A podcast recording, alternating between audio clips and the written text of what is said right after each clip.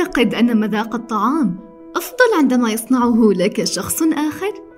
أو هل شاهدت طفلا لطيفا ممتلئ الخدود وشعرت برغبة كبيرة في عصر وجهه الظريف؟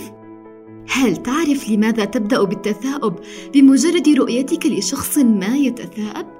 تحتاج هذه الظواهر السيكولوجية وغيرها إلى تفسير. يتكون دماغ الإنسان من الدهون والبروتينات والسوائل لكن هذا ليس كل شيء. فهو من أكثر الأعضاء غموضا وتعقيدا. فلكم أن تتخيلوا كم الأفكار والمشاعر التي تتكون داخله في اليوم الواحد. مما تكسبه قوة هائلة تجعله مسؤولا عن سيكولوجية البشر. سنلقي الضوء الآن على بعض الحقائق والسلوكيات السيكولوجية التي قد تلاحظها في نفسك والآخرين كذلك، وستندهش من معرفة السر الذي يكمن وراءها. أولاً، إعلان الأهداف للآخرين يقلل فرص تحقيقها. يعتقد خبراء علم النفس أن الإفصاح عن الأهداف يجعل الأشخاص أقل عرضة لاستكمال تحقيقها، لأن التحدث عن الأهداف يشبع حاجة الشخص في إثبات ذاته بما يكفي حتى يشعر أنه لا حاجة لاستكمال الهدف وخوض العمل الشاق لتحقيقه.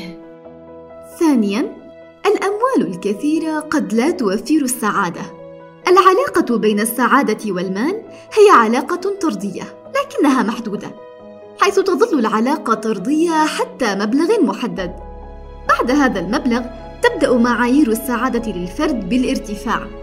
بمعنى أن السعادة أصبحت لا تتناسب مع كمية النقود التي يكتسبها الفرد، مما يشعره أن جودة حياته بدأت بالانخفاض، ولم يعد يشعر بالسعادة. تذكروا يا أصدقاء، إنما السعادة تنبع من داخلكم، لا من الأشياء الخارجية، وإن السعي المستمر تجاه كسب المزيد والمزيد لن يفيدكم بالضرورة. ثالثاً، الالتزام الديني يخفض الضيق النفسي. تثبت الكثير من الدراسات في مجال علم النفس أن الالتزام بالشعائر الدينية مثل الصلاة والدعاء تقلل الاضطرابات النفسية كثيرا بل قد تمحها. كما أن المشاركة في الأنشطة الدينية والروحية المختلفة يجعل المشاركين أقل عرضة لخطر أعراض الاكتئاب والاضطرابات النفسية المختلفة.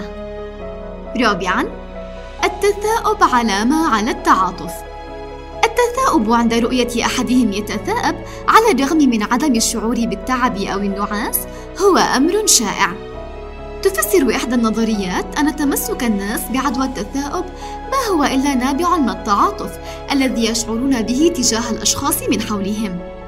بالتالي فإن الأطفال أو مرضى التوحد مثلا لا يتأثرون بهذه العدوى لأنهم لم يتعلموا التعاطف بعد. خامسا تخبرك الدموع عن سبب بكاء الأشخاص.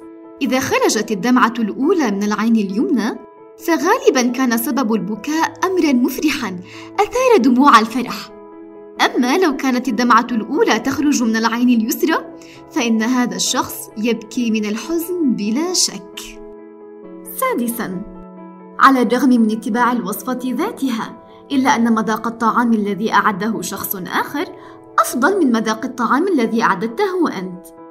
إن إعداد وجبة ما يتطلب منك الوقوف طويلا على إعدادها وتحضيرها، مما يقلل من قابليتك وشهيتك للطعام، وبالتالي لن تشعر جيدا بمذاقها عند أكلها. سابعا نحن في بحث دائم عن وجوه بشرية في الأشياء غير الحية يطلق على هذا الإحساس اسم باريدوليا وهو يعبر عن ميل دماغنا إلى العثور على وجوه رغم عدم وجودها. والذي يعتقد العلماء أن هذا الإحساس تولد لدينا من فكرة أن التعرف على الوجوه هو جزء مهم من الحياة الاجتماعية. ثامنا يفضل الإنسان تغيير الحقائق على أن يغير رأيه عن الأشخاص من حوله.